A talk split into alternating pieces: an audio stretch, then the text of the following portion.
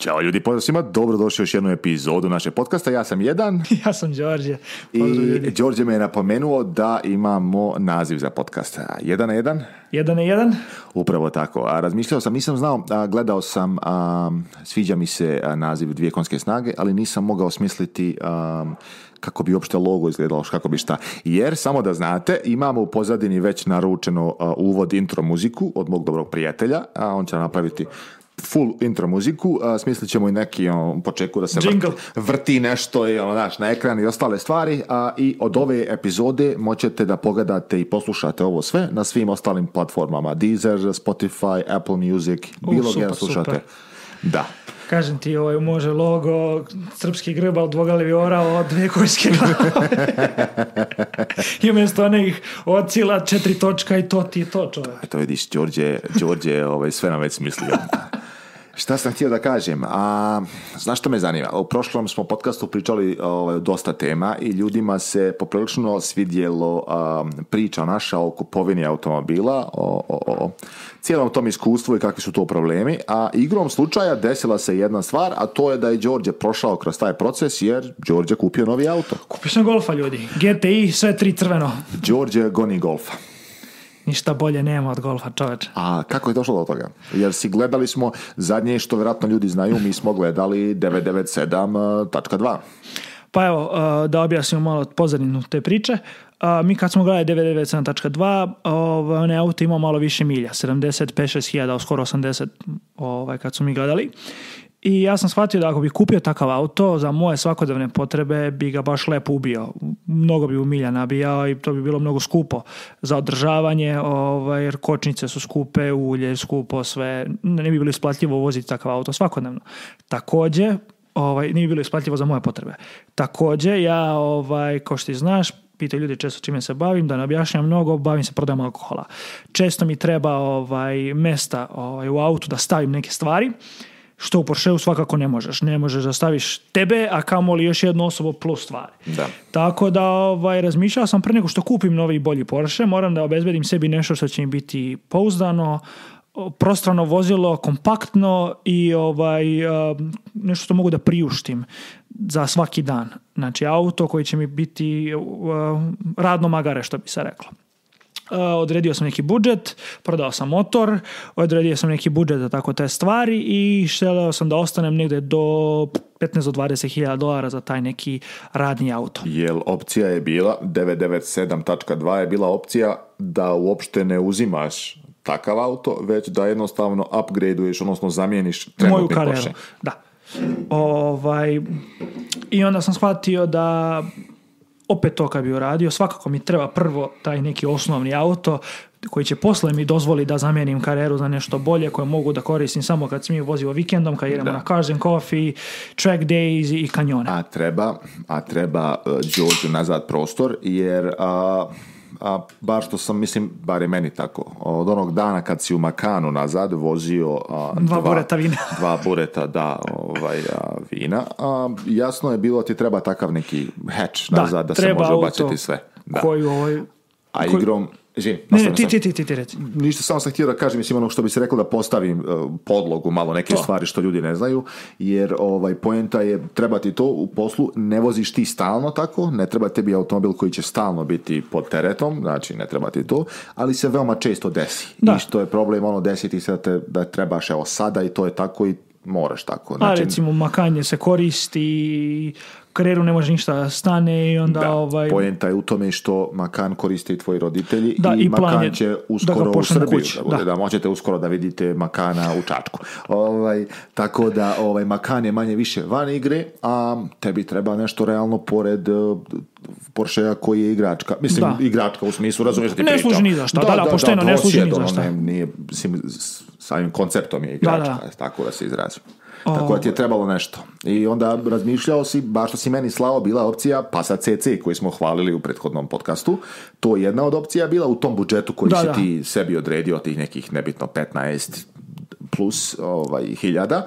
Gledao si CC i šta si još gledao? Šta je još bila opcija?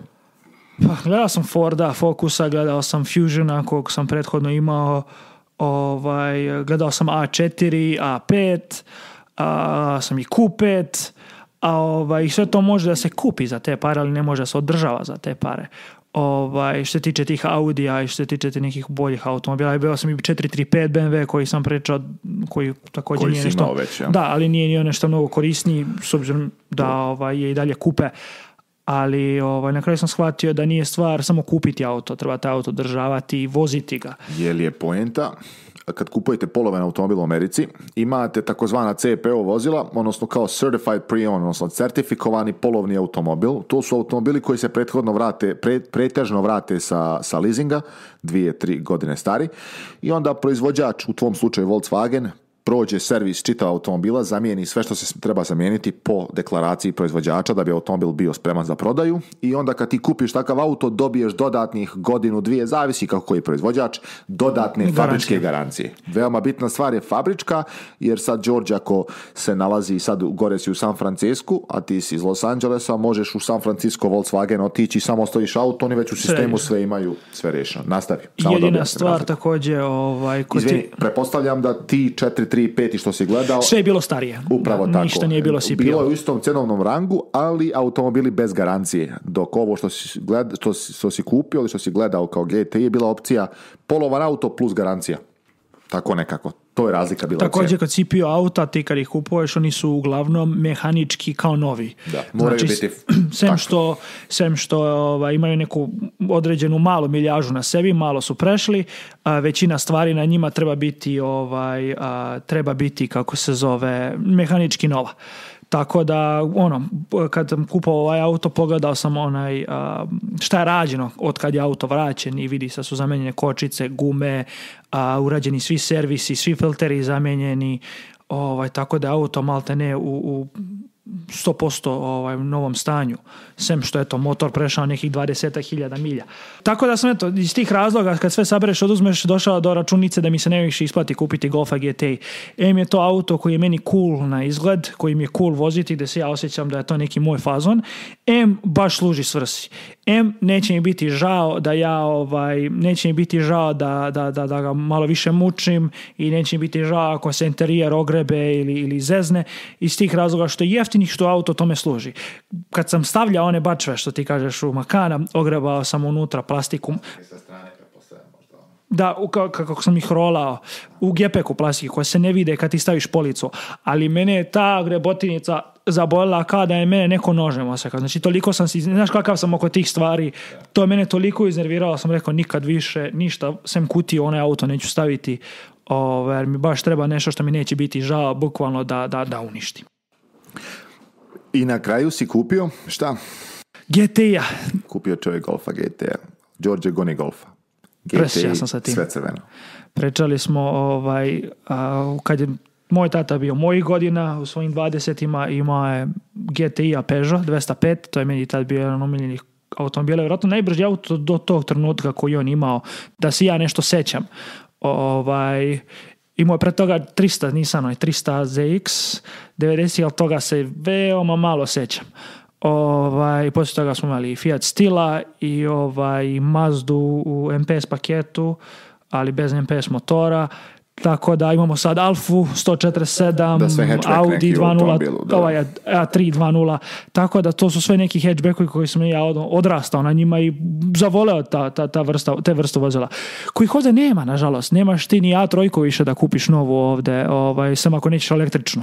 Osto ti je Golf GTI i imaš onaj Veloster, onaj Hyundai i Civica R i to ti je to. Ne, Mazdu, Mazda više čak ne pravi mazu Speed. Ovaj, da, nema speeda, da. Nema nova Mazda Speed 3, nema ni Mazda Speed 6, nemaš više ovaj, takvih kola ovdje na marketu, nema BMW ne, pro, ne dovodi keca, nemaš cit, ovaj, Citroen ni, ni Mega, nemaš ništa toga. Poenta je u tome da za budžet koji je Đorđe gledao, a ne može se kupiti, Civic bi se mogao kupiti s običnim 1.6 motorom možda ili tako nešto. Znači ne možeš kupiti ništa, ajmo tako reći ugrubo specijalno. Znaš da su tražili premium kad je pojavio se prvo Civic R, da su tražili premium. I znači, i dalje, Znaš da i dan danas ne možeš kupiti Civica ispod MSRP? I dan danas. To ti, to ti provjereno govorim. I dan danas ne može. Ne mogu to da prokomentarišem ni na jedan politički korektan ovaj način, tako da ću se udaljiti pa od, poenta, od te priče, ću samo skloniti. Ali vidi, poenta je u tome, ne treba biti politički korektan, treba reći čovjek šta misli. Inače će zauvijek sve ostati tako na... Tako on para da bacam na Hondu Civica, ovaj, pre bi ih bacio u dobrozvorne svrhe nekom dao nešto da uradi nego što bi dao pare za Honda većina Civica. Će, preko. Većina će ljudi sada reći pa Honda trajnija, pojenta u tome što tebi to ne treba. tebi ne treba trajan auto, ti si kupio sa osiguranjem i sa, sa garancijom, tako da te boli briga da li je pouzdan ili nepouzdan, ti ćeš imati popravljen auto uvijek. Kakav god da je to, meni treba auto koji spada u moj budžet i koji zadovolja potrebe. Upravo tako. A Golf ne da sam srećan, nego sam presrećan sa njim. Neka, neka, svaka čast. Ovaj- I meni je, pojente u tome, mislim, kod nas u Evropi je to auto, ajmo reći, učestalom, zato što ih dosta više ima, ono, Evropa, ali ovdje je toliko Redak posebniji, da se tako zna Ima taj neki kofaktor. Šmek, ima šmek, ima šmek. Ovaj, kao što recimo, kad bih imao priliku da pošaljem jedan auto odavde e, za, za, za Evropu, da se vozam po, po Srbiji i po Evropi, moj izbor bi bio Mustang GT, tako nešto pick-up ili nešto što nema. Nešto što ga, nema. A taj auto nikad ovdje ne bi vozio. Kad bi vozio? Za pare koje dole možda kupiš GTI-a Golfa, ja bi iskreno hot take verovatno bi kupio Megana zato što mi je to više cool ovaj, zato što je Mazdu 3 zato što mi je malo drugačije ne bi da se uklapam baš ali ovdje Keti, sve na svijetu, ništa Inače, Đorđe, moćete pogledati video, snimit ćemo ga, ovaj, moćete pogledati video, vjerovatno već sljedeće nedelje. A, Đorđe kupio belo GTI-a, a 2017. godište, autoban paket. To vam vjerojatno ništa ne govori u Evropi ali ako proguglate po internetu moćete... Koliko ono... sam ja provalio, eh, a nisam ni znao, daje ti one LED farove, što je cool, i napred i nazad, ovaj stopove, da. daje ti kočnice sa golfera veće, okay i elektronski onaj diferencijal. Što je u stvari najbitnije, vozački paket, zato se zove valjda autoban. Ova, jedina stvar na tom paketu koja, koliko sam ja razumio, mogla biti modifikovana je hoćeš li digitalnu klimu ili ćeš manuelnu. to. To je ono, ko što si ti mijenjao na tvom, meni je to svejedno, mada mi je čak i ono, ok, Isto ti je samo da li ti piše tačkica ili ti imaš display koji ti pokazuje na koliko si klimu namestio. 100%, 100%. Ovaj, sve ostalo je super. Prezadovoljan sam. Eh, Meni je glavna opcija iskreno bila eh, kožna sedišta. Zbog toga što, zbog psa kutija i ostalih lakše stvari. Održavati lakše održavati i iscepat će se. Mnogo je koža čršća od onog platna. Iscepat će se ono platno brzo. Eh, ništa gore nego kad vidiš, a to sam vidio na jednom već polovnom, kako je ono karirano pa se razvuče i on ne bude karreno da, nego bude ono, reći, ono razvuče. malo znam ne mi, da kažeš. Koža, bar kad se ogrebe, ogrebana je koža, lepše to meni izgleda. Pa ovaj... da, kožu možeš i ofarbati, izrebe se samo i ofarbaš. Sve ja mogu da, Ti možeš, da, s ovim svojim Meksikancima. Sve ćemo mi to da prefarbamo, ništa ti ne brini. ovaj, ali našao sam dobar auto, kažem ti, uzeo sam, pored dvije godine garancije koju imam, uzeo sam još tri, za imam kao bukvalno nova auto pet godina i pošto vozit ću ja taj auto, vozit će ga drugi članovi porodice, uzeo sam zaštitu guma i felni što mi daje unlimited broj guma koje mogu da iscepam i da stavim nove i do osam felni u narednih pet godina koje mogu da promenim. Da, u prevodu si... Iz ovaj- razloga poučen iskustvom tvojim, kad si ti udari, kad smo išli zajedno u kanjone, kad si udario ovaj, tvog BMW-a i kada sam ovaj, ja cepao gume na, na, na makanu, jednostavno...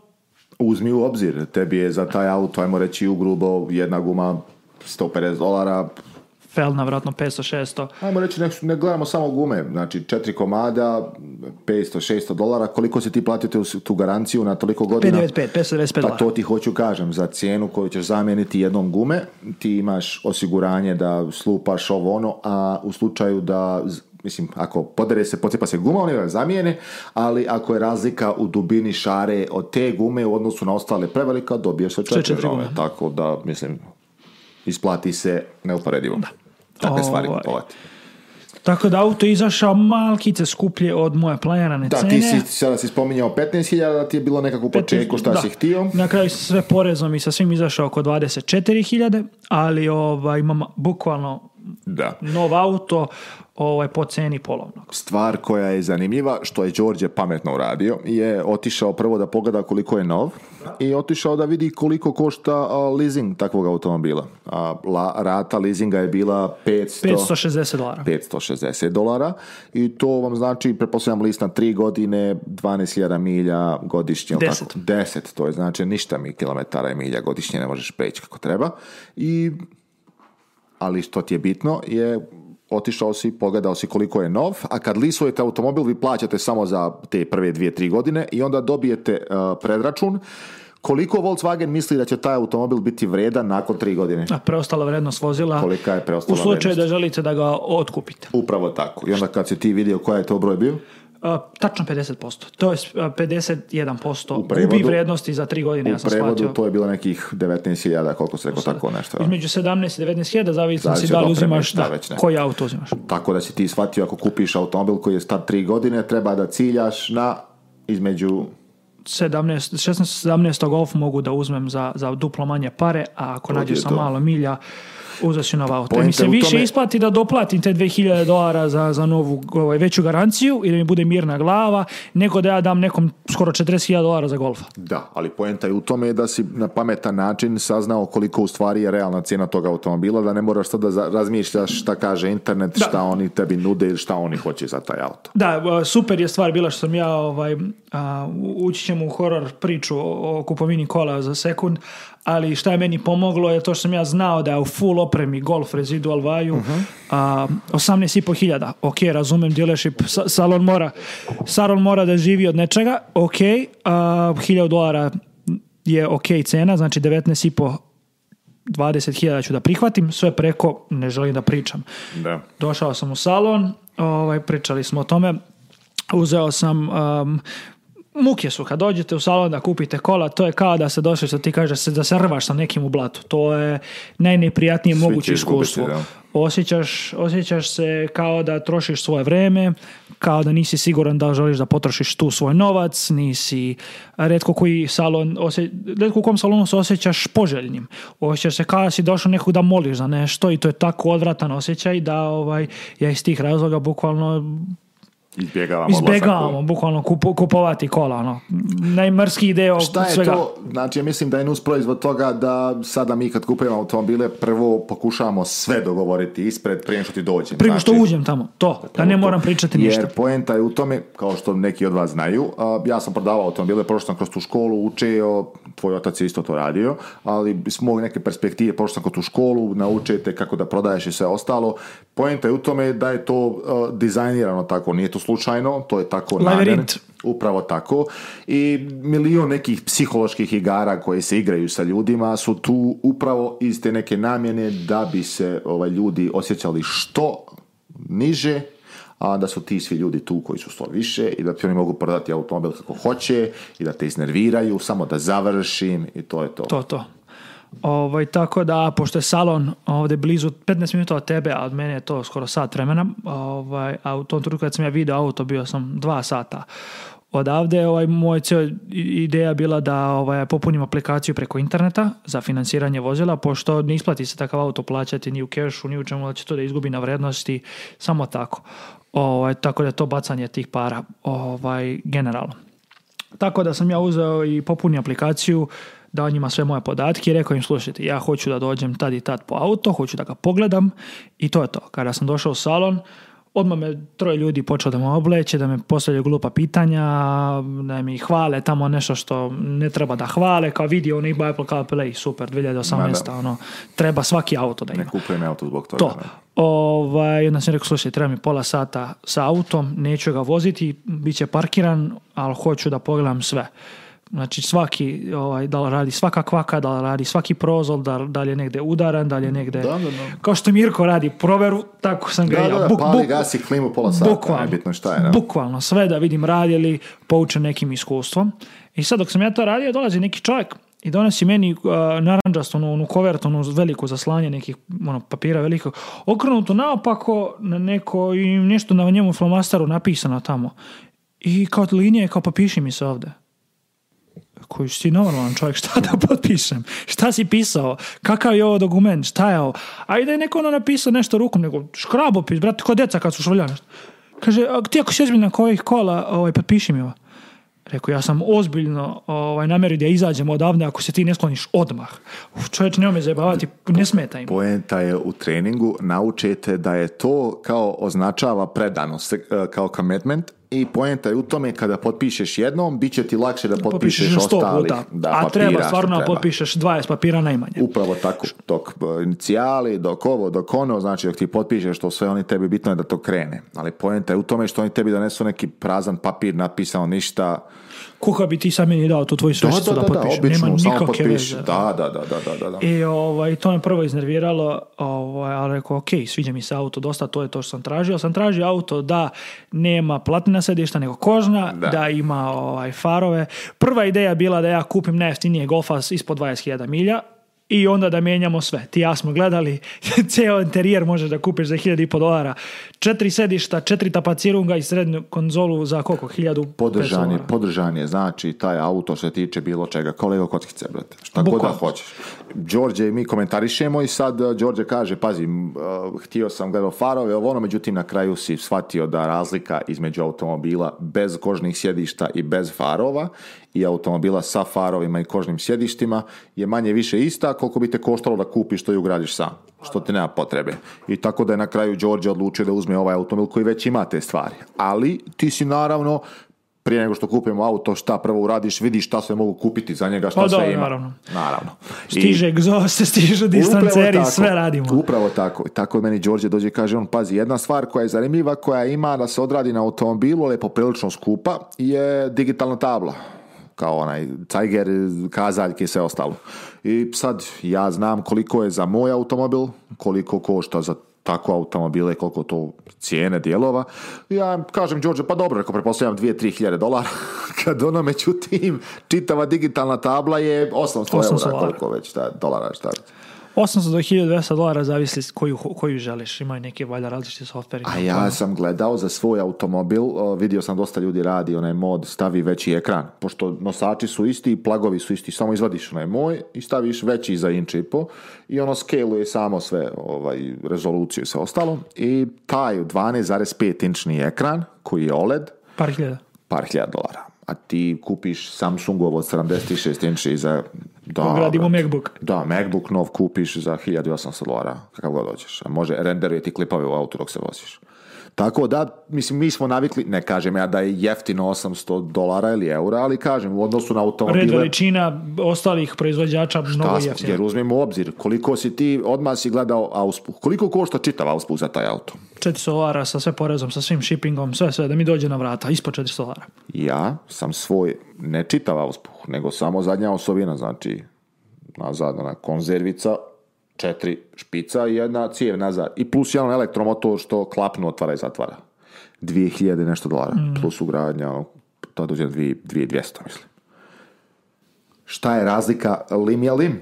cijev je cijev, razumiješ me, sve da, je da, to isto. Ok, research and development, ali koliko je skuplji za BMW u odnosu na Golfa, razumiješ, mislim, ali to ti je, plaćaš tu cijenu. Tako da je Golf i, cijena, u, za, šta god ćeš kupiti za njega. Prešića sam, kažem ti, ovaj, život volim taj hatchback fazon, srećan sam što imam to i ovaj, što mogu sebi priuštiti takav deli auto. To mi je, to mi je najsrećnije. Kažem ti, po saobraćaju sad, moja karijera je vrhunski auto. Ali bilo koji sportski auto u saobraćaju, kreni, stani, pogotovo u nema šanse koliko god da budeš zaluđen. Ne može da ti bude Pogotovo ne u Los Angeles Svoju ženu voliš najviše na svetu, ja moju, ali nekim danima te baš nervira. Da. To je kao da te žena svaki dan nervira. Da, da, da.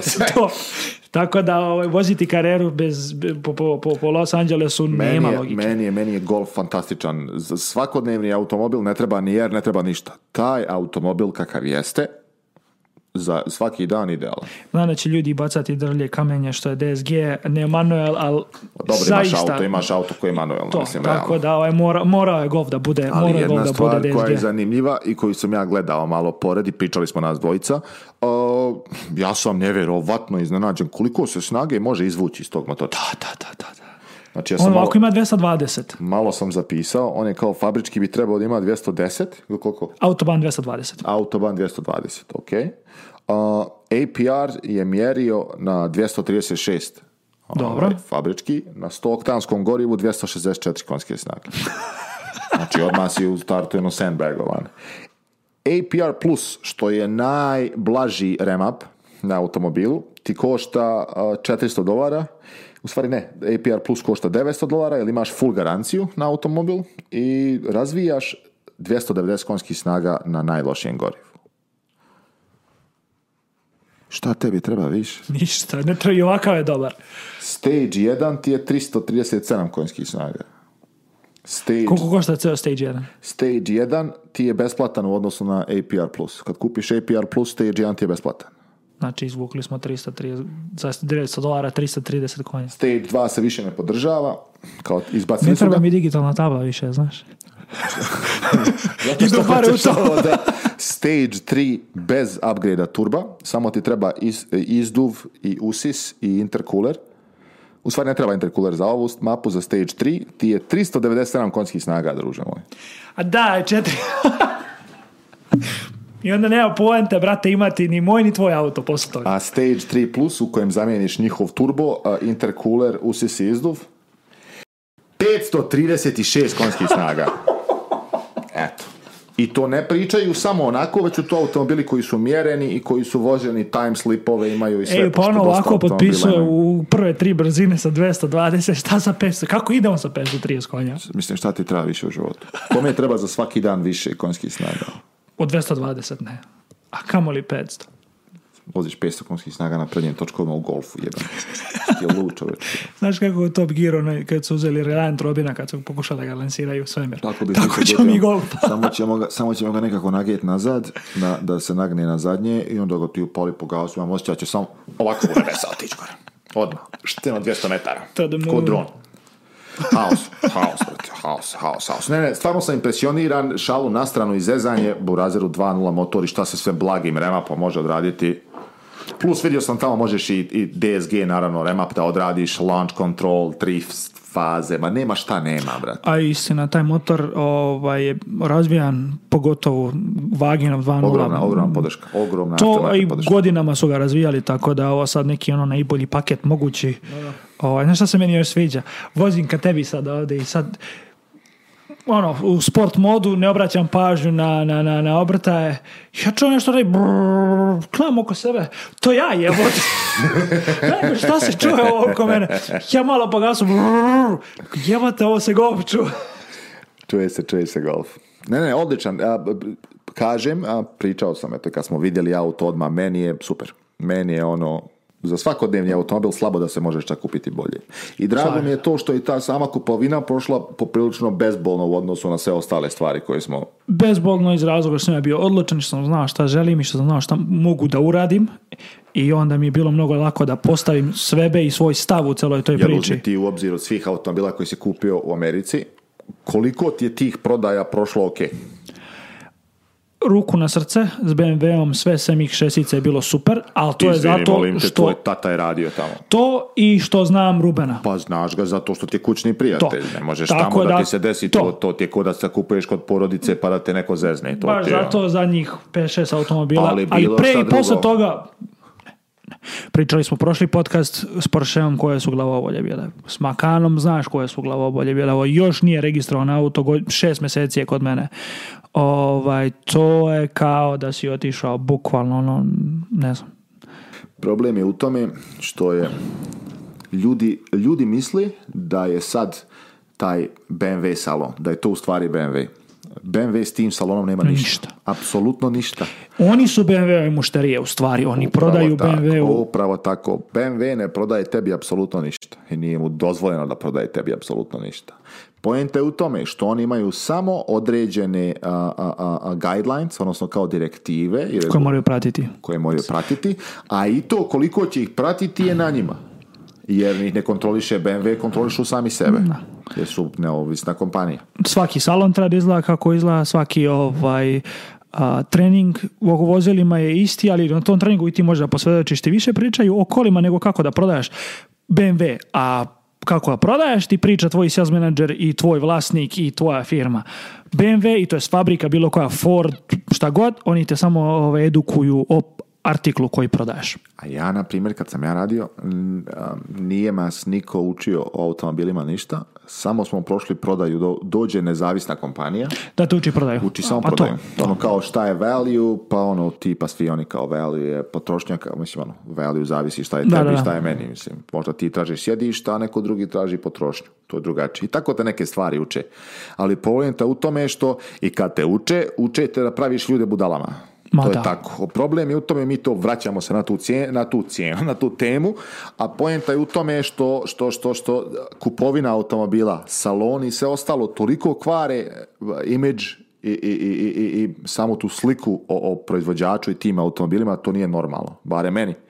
Ja sam u, živio sam u Fort Lauderdale-u, Fort, uh, Ferrari u Fort Lauderdale, kukucate to, prvo je desno, sjeverno od toga je, je moja zgrada bila to je, nema ni 50 metara.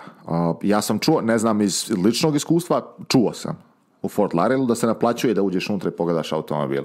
Katastrofa. Umjesto da dopustiš djeci mlađima da dođu, znači dođe pipnem, kao što si ti, otišao si da, da voziš GT3, rekao si ovo ću imati jednog dana sebi.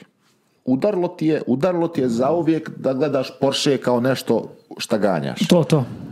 A ti, da ti je neko došao i rekao da naplati da bi pipnu auto negdje, šta bi ti pomislio? Ako ja nisam vredan za toga, izvinite, molim vas. Gospodo, šta ste vi bolji od mene? Gospodo, sveci, izvinite, molim vas. a svi znamo, a svi znamo da svi ti koji rade tu ne voze Ferrarije. Nego svako vozi nešto drugo. Pa šta ti pričam, brate. To je poenta, ali bitno je samo da si ti viši od nekoga i bolji to, i to ti je to. Ja sam, mogu ti reći jednu stvar, ja kad sam radio, dešavalo mi se veoma često da dođu mladi klinci. Sad znam da on ne može kupiti uh, Mustanga. Ne zato što ga ne može priuštiti, već će mu osiguranje biti... Preskupo, da, da, da. Preskupo. I znaš on automatski da on to neće moći, osim ako nije stvarno imućan. Jer ko će za Mustanga plaćati 900.000 dolara, razumiješ me? Niko nije lud dođu klinci, ali uvijek sam se ja vodio jednom politikom. Volim i ja ući u salon da pogledam nešto. Razumiješ ti priču? Da. Dobar dan. Kako si, što radiš? Izvoli, da pričamo malo o motoru, vrat. Vidi, nemoj pogrešno shvatiti. Trebam tamo, popričamo malo, nabij se nogom, nabijem se ja nogom, svima dobro. Ali te ne moram tretirati ja sam ušao u, u Audijev salon, kad sam kupovao ovaj auto, je Đorđa fotografija tamo, kad sam kupovao BMW, kad sam ga naručio, ti znaš da kad kupiš auto, naručiš bilo koji, prije nego što potpišeš, imam pravo reći, predomislio sam se, ne sviđa mi se i doviđenja. Niko ti ne smije ništa reći. Još jedan. To je to, ću novi da mi naručite. To je to. I sad ja sam otišao u Audijev salon da pogledam S5-icu tada. Na, ono, tekst su prilike počeo izlaziti. Na na, na showroom floor u saloni unutra i vikend je to bio sa ženom odem i ja u nekom šorcu poderanom, zašto me pasa na me napao, moželjak Isti šorc i neka majica bijela gore, šta ja znam. Uđemo unutra, stanem kraj auta, najlazi neki čovjek, izvolite, preko htio da popričam s nekim kupovinog automobila, on me odmjeri gore dole kao, znaš li ti da ovaj auto hiljadu i nešto dolara na lis? Ja gledam, mislim, ono, preko znam kako funkcioniše, ostati ovo ono kako funkcionira Ne, ne, to je skupo i meni moja Brijana kao šta se ti s njim možete prepravimo Čovječe odavde, nikad me nije niko čovjek tako tretirao, brate. A dolaziš da gledaš jeftiniji automobil nego što naš ono si naručio. Sad nebitno šta bi bilo u lisu, ti to razumiješ. Ali došlo sam da vidim šta se dešava. Ako ništa, tu vam održavam auto svaki dan. Znaš, sve znaš o meni. Da. Otjerate tako. Tako da je kupovina automobila u Americi nevjerovatno šugava. Ja ponavljam, ja ne znam kako je u Europi. Nikad nisam imao prijatelja ni koga koji je kupio automobil nov ili približno novom u salonu, da sam iskusio to. Ili bar ne moji dovoljno bliski prijatelji koji bi mi prepričali to da sam ja doživio i kako se neko kupio i to. U, u autoindustriji volim mnogo da pričam, nikad ne bi volao da budem deo toga. Ne. To je to ko... Kao svaka druga industrija, mislim, to ti kad pogledaš u smislu prljavosti ili svega Da, da, da. Najprljavije moguće. Ono, baš, ba, ba. Skoro pa ko politika. Pa zašto? Koliko pa- ga više zajebe, koliko ko šta više plati. Baš su usko. Pričao si mi ti tvoj otac je napustio prodaju automobila upravo zbog toga. što ne možeš, ne možeš nego gledaš u oči da mu otmeš pare. Da. da, ga, da Jer jedini a... način da budeš to je da nemaš savjest i da si ono voljan, ma nebitno kome. Problem je što ako recimo ja znam da je salon kupio auto za 50.000 i naš procenat neki profita je 10%, znači taj auto treba bude 55. Ja tebe treba pogledam u oči i da ti naplatim 65.000. Ali, ja bi razumio ljude koji to rade za tih 10.000 dolara profita. Ne, nego tih 10.000 što, za, što naplatiš nekome, ti može dobiješ koliko još? 500.000. Da Bog da dobiješ Ma, mislim, ja ga sam radio, nije to nisu pa to, tada. Znači ti si spreman nekome da otmeš 10-15.000 dolara da bi ti napravio hiljadak više. De to je meni krađa klasična. ti ovo. Kod nas je, kod nas je prodaja automobila u Fordovom salonu bila možda više, čak šta više i lakša. Firma ima veoma lijepo deklarisana pravila. Svaki automobil ti je invoice plus 500 dolara. To. Nema pregovaranja. To je cijena automobila. Međutim, ti pomisliš, ok, proizvođač rekao ili, ili, ili rekao mora tako. Šta se desi u financijama? Ti dođeš, tebi bi trebao kamata na kredit biti 3%, a salon kaže, u, ne možemo više uzimati tamo, sad ćemo uzeti ovamo. 2% od toga meni. I onda ti skontaš kako da kako da, tu, kako da ti opstaneš tu, da budeš normalan čovjek i da možeš imati neki ponos u ono što radiš. Nikako, nikako. Jedini način da kupiš auto, ovaj, da se ti osjećaš dobro i da znaš šta se desilo je da ovaj, kupiš certified auto koji sad već dolazi sa garancijom koja je uključena u cenu, da odeš u svoju banku, uzmeš pare mhm. i odeš i platiš i niko te ne zajebava, ništa ne radiš i miran si. To je jedini način da znaš da si najbolji mogući deal A znaš šta se nama dešavalo? Dođu takvi ljudi i takvi ljudi najmanje prioriteta imaju zato što ne mogu zauzeti. Nemojte, upljačkaju i onda onako sedi. Da, da, da, da, da. Čovjek došao i ti ljudi kad dođeš tako s parama misliš bitan sam, samo mi daje potpiš, ne uzem pare. Pričao sam ti, dva Porschea su mi tako, kad sam kupao 96-icu, ovo je na kraju bio četvrti auto koji sam ja pokušao da kupim. Kakav keš? Ništa. Kažeš nekom plaćiš kola kešom, ne da ti se na telefon. Ne interesuje ga. Ko je, da kupim, kad sam, kad sam treba kupim u Portlandu crnog, isto 4S-a, kako plaćaš ovako, ovako, može li garancija? Može, super. ima kao jedan problem s garancijom, tek... Da, rekao Najbolja fora ikada, kaže, garancija ti tek, pošto da postavimo priču, 996 karera ima problem sa onim AMS bearingom, to je jedan intermediate shaft, bearing, to. Jedan deo pozadi koji ako ovaj procuri, ležaj koji ako procuri, imao je samo pomazivanje. Ako, ovaj, pošto je taj loše napravljen, originalni deo, cesto e, iscuri ulje i nije podmazan i zakuje ceo motor auto koji sam ja gledao nije imao promijenjen AMS, što košta nekih... To on govori zato što kad kupujete takve automobile, prvo što pitate da li je zamijenjeno. to promijenjeno, to. Baš toga, ta toga nije Nije bilo promijenjeno, ok, oni mi tamo kažu da to košta 4000 da se promeni, meni moj mehaničar kaže košta dve. Ja kažem ok, ja ću da promenim to oko mog Ja kažem, ovaj, želim da vozim auto od Portlanda do LA, što nekih milja. Da hoću da kupim dodatnu garanciju, garanciju na 3 godine 36.000 milja, oni kažu može, ali garancija ti tek važi kad pređeš 2.500 milja. Prevodu ako si sretan. Ako, ako ti ako za 2.500 milja ti eksplodira ceo motor, najebo si. Treba si Ako ti ne, onda si dobar. Ok, ja kažem, razmišljam, rekao, mogu da ostavim depozit 500 dolara kod vas ovaj, da pokušam da vidim šta mogu da uradim. Bila je ideja da stavim auto na towing, ali samo prednji deo i da vučem zadnje točko i da nabijem 2000 milija da auto ne radi. To mi je palo na pamet. Međutim, posle 24 sata zovem, iako sam ja stavio depozit, auto prodat. Mhm. Tako da... Ovaj... Prodaje automobila nema, nema. Mislim, to je, to je toliko prljavo i toliko moraš biti mislim, go ponavljam za Ameriku, ja vjerujem, u svakom pravilu imaju izuzeci i sad će se neko javiti, ja prodajem u Ohio i prodajem za, za ispod cijene i dajem ljudima svoje krvi ako treba. Svaka čast. Svaka čast. Ali Pozdrav, ono, takvi ono na ljudi smo, treba. E, ono što smo mi iskusili i većina stvari, ponavljam, bili smo, bio sam u industriji, bio slučaj tvoj, iz kuće su bili, ništa dobro čovjek ne može reći. Ako... je neko opljačka kaže, e, pištolj, vadi sve sa sebe, bar znaš šta se desilo.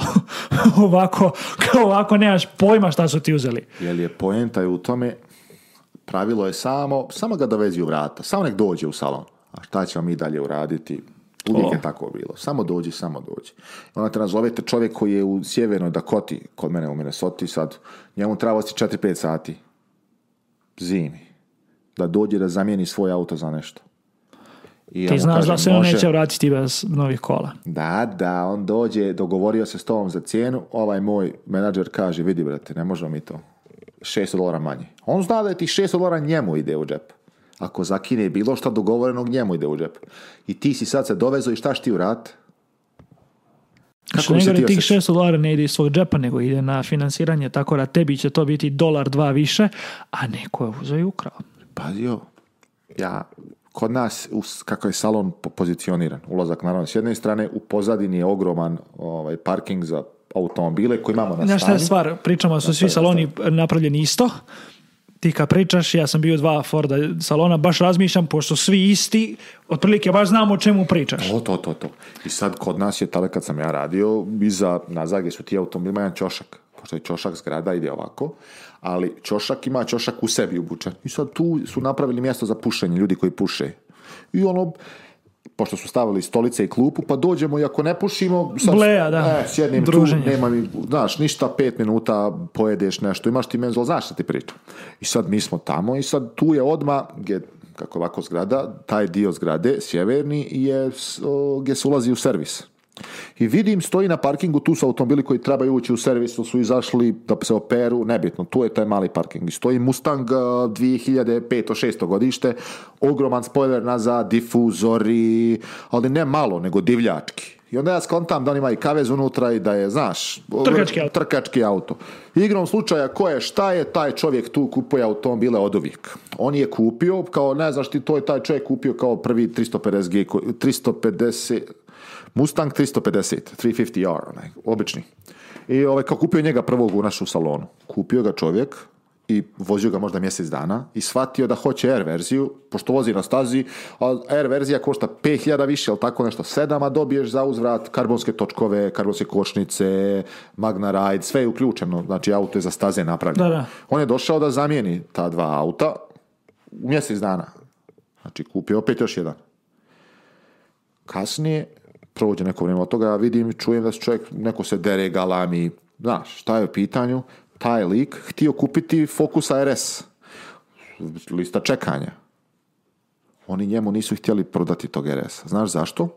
Ti vjerovatno znaš. Svaki auto koji dođe koji je poželjan, proizvođač šta uradi, proda ga preko cijeni Zato što je potražnja velika. Da, da, e, to. Oni su znali da ne mogu njemu zato što je kupio 50 lupa. Neće ti to da i e, oni su mu prodali nekom drugom, brate. Nekom koji htio da plati. A zamisli ti si takva mušterija koju održava, što bi se rekao, ta svjetla da gore i da si imaju plate i sve si tu kao... To konstantna, konstantna mušterija, kao konstantna Dva mjeseca kupiš takva dva automobila koji su za Ford vrhunac svega što postoji. Nema većih para. I šta onda? ne možeš da daju ti fokus. Samo zato što nisu... To je Ford, čovječe. To je, ni, ni, nisam otišao, ne znam, da tražim... Pa čitava cijena... 911 RS u... Čitava cijena tog Mustanga možeš potrošiti u dodatnu opremu na, na Porsche u 911 GT3. Pa to. Razumiješ? A znaš da cara što je u Miami pokupio, pojavio se u To dobio neki kubanac posao u South Florida negde, mislim da je baš bio Miami. I dobio posao u Porscheu i išao redom i pričao ja ti dajem paint to spec, ovaj, ja ti zaključavam paint to spec, svakom daje paint to spec opću svima. Uzeo 4 milijuna dolara u depozitu i pobjegu.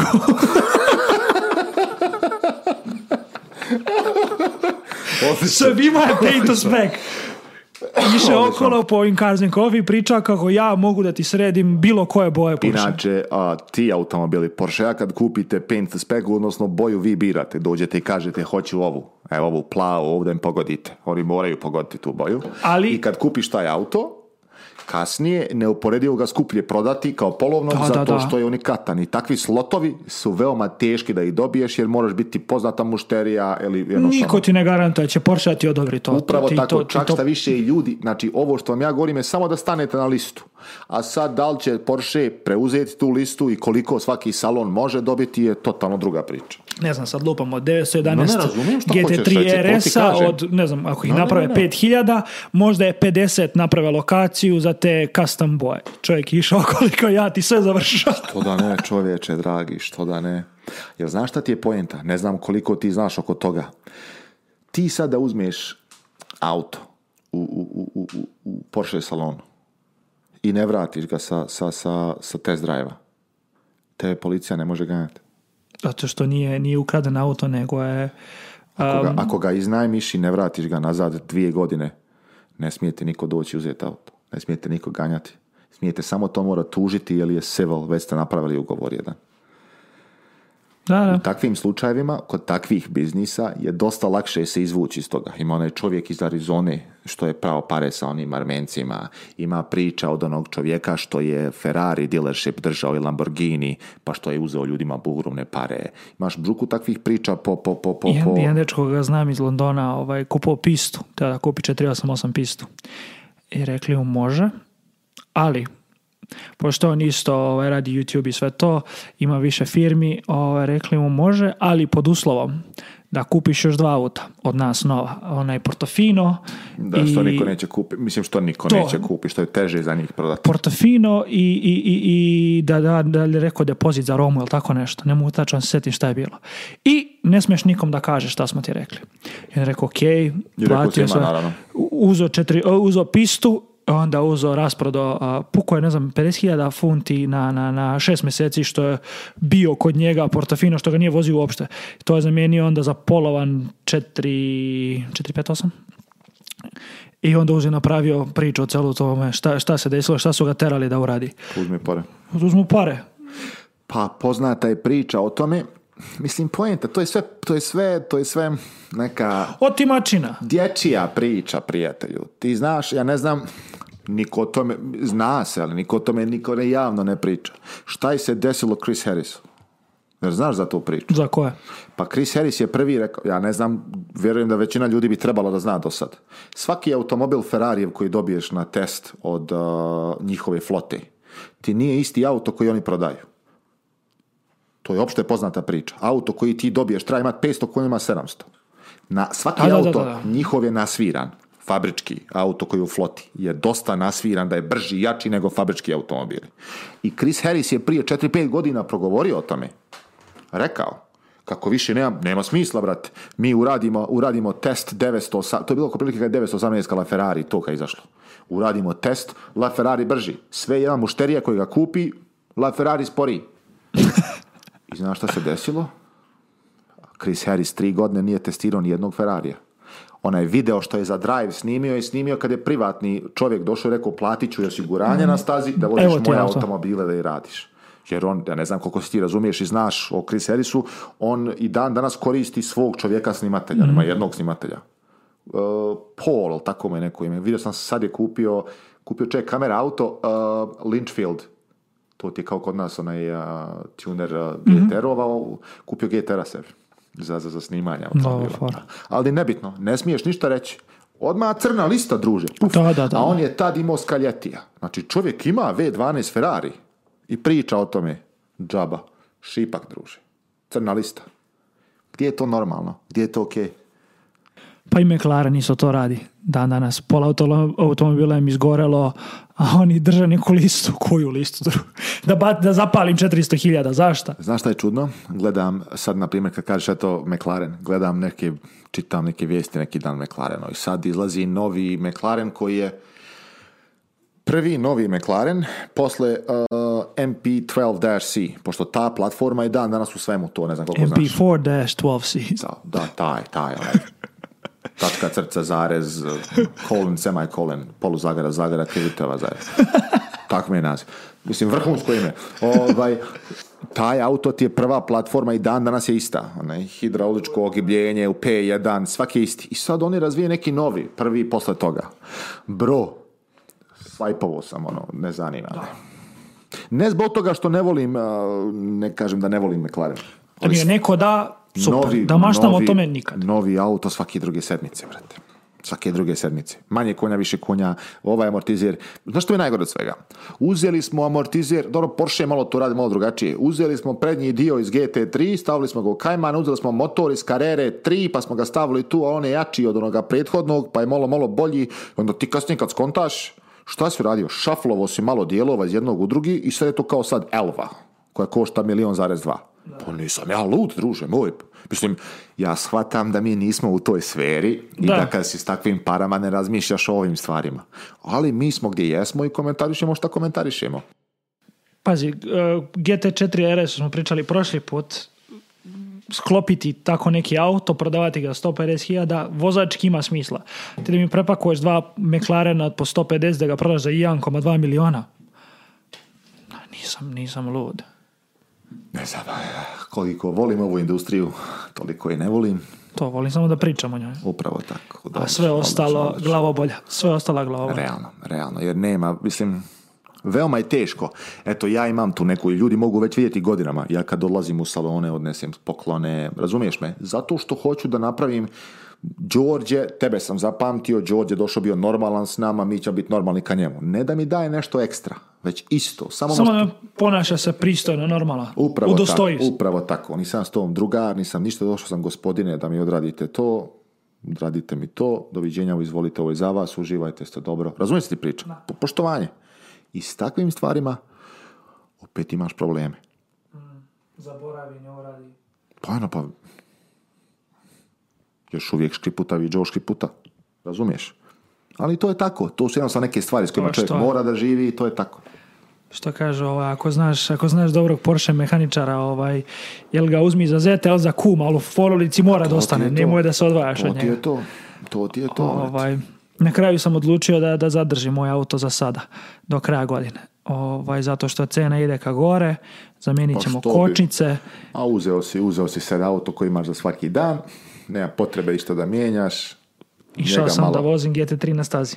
I očekiva... Da, da, da, da, prošli put smo komentarisali, Đorđe Oček... je otišao Očekivao i vozio... sam da ću izaći iz toga i misliti da, da je moja auto bicikla, s obzirom da moja karena 300 nešto konja, GT3 500. Četiri, četiri točka pogon, dva pogon točka. Totalno trkački auto sa karbon keramičkim kočicama i sve to. Pro onaj PDK, onaj kad sklikneš onaj sport i kad voziš na postazi, kad mi je neko dao Formula 1 igricu na, na, easy? Šta god ja onom auto da uradim, on sve zna, on sve predvidi. Ne možeš ti, ti možeš da ga driftuješ malo, ali ne možeš da, da, ne možeš da ga spinoš, da izgubiš kontrolu. Ti možeš svaki korner ovaj, pravo i brzini da uđeš. Sve on zna. To je nevjerovatno. Kad sam izašao ono iz onoga, prvo, bilo je, bilo je ovaj, iskustvo vrhunsko bilo je sve fenomenalno, ja sam oduševljen bio. Ali, ali ono što je mene ovaj, oduševilo je kad sam ja seo u svoj auto, kad sam ja vrate shvatio stvari koliko sam ja deo tog procesa vožnje koliko je lepo menjati brzine, koliko stvari to uživanje za to što mi tražimo. I kad sam shvatio se takva kola više nikad neće napraviti. Nikad nećeš više imati hidraulično upravljanje, manuelni Porsche sa onim kablovima i sa kablovima na, na, na gas pedali. Nikad sam shvatio, čekaj čovječa, ne treba tebi bolji, skuplji Porsche, treba mi kasnije u životu, želim. Da, da, da. Ali sad, za meni kočnice zamijeni par stvari, sredi na kolima i ne diraj. Ono, pogodio sam sve što mi treba. mislim, proveo si fino vrijeme s njim, ti si na stazi bar prvo sat. sata. Da. Dva, nema ništa, odmah ideš ne, ne, na znam neko da si vozio tamo ne skidbali bar na stazi, vozijeći ga u stazu sigurno bar sat, sat vremena. Sigurno ono. sat vremena u krug. Bilo je sad i driftanja tamo u krug, pa ubrzanje, uspori, nema to, šta to, mi nisi to. govorio, ali što hoću da kažem, baš si momački, proveo si sat vremena vozeći ga na stazi. 30 krugova sigurno. To, to, 30 krugova sigurno i to ovaj, divna stvar je što nemaš instruktora, mm-hmm. neko čovjek ide ispred tebe. Da Ovaj, i samo I Iako ispred tebe faktički prati tvorite. Ti ga gureš. Da, i, i uh, još je bila fora, prvo kreneš i on ti pokazuje gdje su... Do, do, do, do naravno. Litrkačku liniju gdje kočiš, gdje ubrzavaš, sve njega pratiš. Mhm. I onda ovaj, to je prvi segment, onda poslije toga idu neke druge zazancije, onda se vratimo za njih pola sata opet na stazu i on je rekao, ok, ja mi se spremajmo sad pun gas. Da, da, da. I ti imaš osjećaj da dovedeš onaj auto baš do limita. Ti vidiš da postoje male nijanse gdje profi vozač može da izvuče još sekund i po dve, što u, trkačkom svetu mnogo, ali ja koji sam ono casual, prosječan čovjek s ulice došao i se u GT3, ja sam se osjetio kao profesionalni vozač, što je vrhunski, vrhunski osjećaj, zvuk, snaga, sve ali ja se ne osjećam da ja radim nešto, nego da me auto vozi. Da. Nemam osjećaj kao, e bravo, Đorđe, ti si sad vrhunski vozač, nego, au jebote kakav auto. Ima ne, nisam se ja osjećao sam nešto ja tu bitan. Ja, ti, bilo ko ko ima malo osjećaja za vožnju da je seve, da da pun gas, jako bi sličan efekt mogao da postigne. I to je meni nekako degradiralo to iskustvo. Dobra je, dobra je stvar, vidiš, pozitivno je to da si shvatio, da imaš već Mislim, to je ono, kako kaže, ono, a, point of diminishing return. U prevodu, mnogo više novca moraš dati da bi dobio možda par prostornata više. Najveća brzina na launch na, na, na, na, na, na onome pisti sa koju sam izvukao. 125 milja na sat. Da, to si svojim autom, na autoputu golfu, ne, iz golfu izvučaš ovako, a kamoli na, na Tako da, nije, nije, mi, kažem ti, 997.2 nešto ono smo gledali, da se još prodaje, možda bi bila opcija i dalje, zato što mi se dovoljno sviđa, dovoljno je modern, ali opet bi preferirao manuelni, da imam za vikend auto, kad već imam gradski auto koji sigurno mi završava sad sve poslove. Ovaj, tako da, jako dobro iskustvo i nekako sam se ponovo u svoj auto zaljubio što nisam očekivao nikako. Mislio sam bit će ovo ću ga ono u okijan, neću ga pogledati više. Toliko mi je drag bio, tako da sljedeće srede ovaj, menjamo kočnice. Odlično. I naručio sam MMI, Multimedia Infotainment System, tako da to možemo zajedno sredimo. Odlično i ovaj, bit će tu još nekih stvari koje, mislim, ne, exhaust steps možemo sami da zamijenimo, tako da, ovaj, to je neke jeftine modifikacije, pa ćemo vidjeti krajem godine ovaj, da ću se odlučiti da ga zamijenim za nešto slično ili ćemo ovaj, da, da uradimo samo servis i suspension. Usput, uradimo mane, mane, mane, mane, mane spekto. kako se zove ovaj priča za, golfa, ovaj, jedan do stage one, stage, stage mane. Stage mane, stage mane odmah. Full i to je to. Treći, treći dan nakon kupovine. Ovaj, šta sam htio da kažem? Pa eto, ako hoćete da gledate tako nešto, ako hoćete da snimimo to sa košnicama i sa MMA, ostavite nam komentar. U opis ćemo staviti i email adresu na koju možete nam postavite pitanja, pošaljite fotografije ako hoćete da prokomentarišemo vaš automobil ili bilo što da imate nas pitate, snimite nam video, pošaljite nam fotografije fotografiju, bilo šta, potrućemo se da odgovorimo u sljedećem a, podcastu. A prokomentarišemo što više stvari. Upravo tako. Ako imate neke cool ideje, slobodno, sve podelite sa nama. Upravo tako. Cilj je da ovo bude što, ovaj, što više interaktivno. Ta, da, ovaj. meni je super, dosta ljudi ili ostavi komentar, dosta ljudi se javi, ono, e gledao sam to, svidjelo mi se to, ovo mi se nije svidjelo i tako, meni je to super. A Isto tako predlažem ljudima da ostaju komentare samo zato što je lakše ih pratiti, jer inbox je pun, dosta ljudi piše i onda kasnije potisne ih dole, ja to ne mogu naći. Pogotovo što su komentari često na jednu temu u inboxu, pričamo sa ljudima i privatno i ovako, sve mu i tako, da... Ovaj, ako hoćete, komentari su uvijek otvoreni, bit će email adresa gdje se možete javiti svakako, a po, podijelit ćemo je i našim Instagramima, ako nas ne pratite, zapatite nas, dobra, ovaj, dobar razlog da možete tu da vidite Manje više to bilo to. Još jedan sat prošao, Đorđe. Lagano. Tako. Ovaj put smo sve snimili. E, za vas je to sad, za nas je dva sata. Elen, a drugari moji, hvala vam što ste nam pratili još jednu epizodu. Ja sam zaista zahvalan na sve jedno hvala, puno, koja sluša. Hvala, stvarno. Feedback je nevjerovatan. Fantastično. Drago mi da vam se sviđa. Nama je super ovako da ubijemo sat vremena. Vidimo se sljedeće nedelje. Pozdrav ljudi. Hvala još jednom. Ćao. Ćao.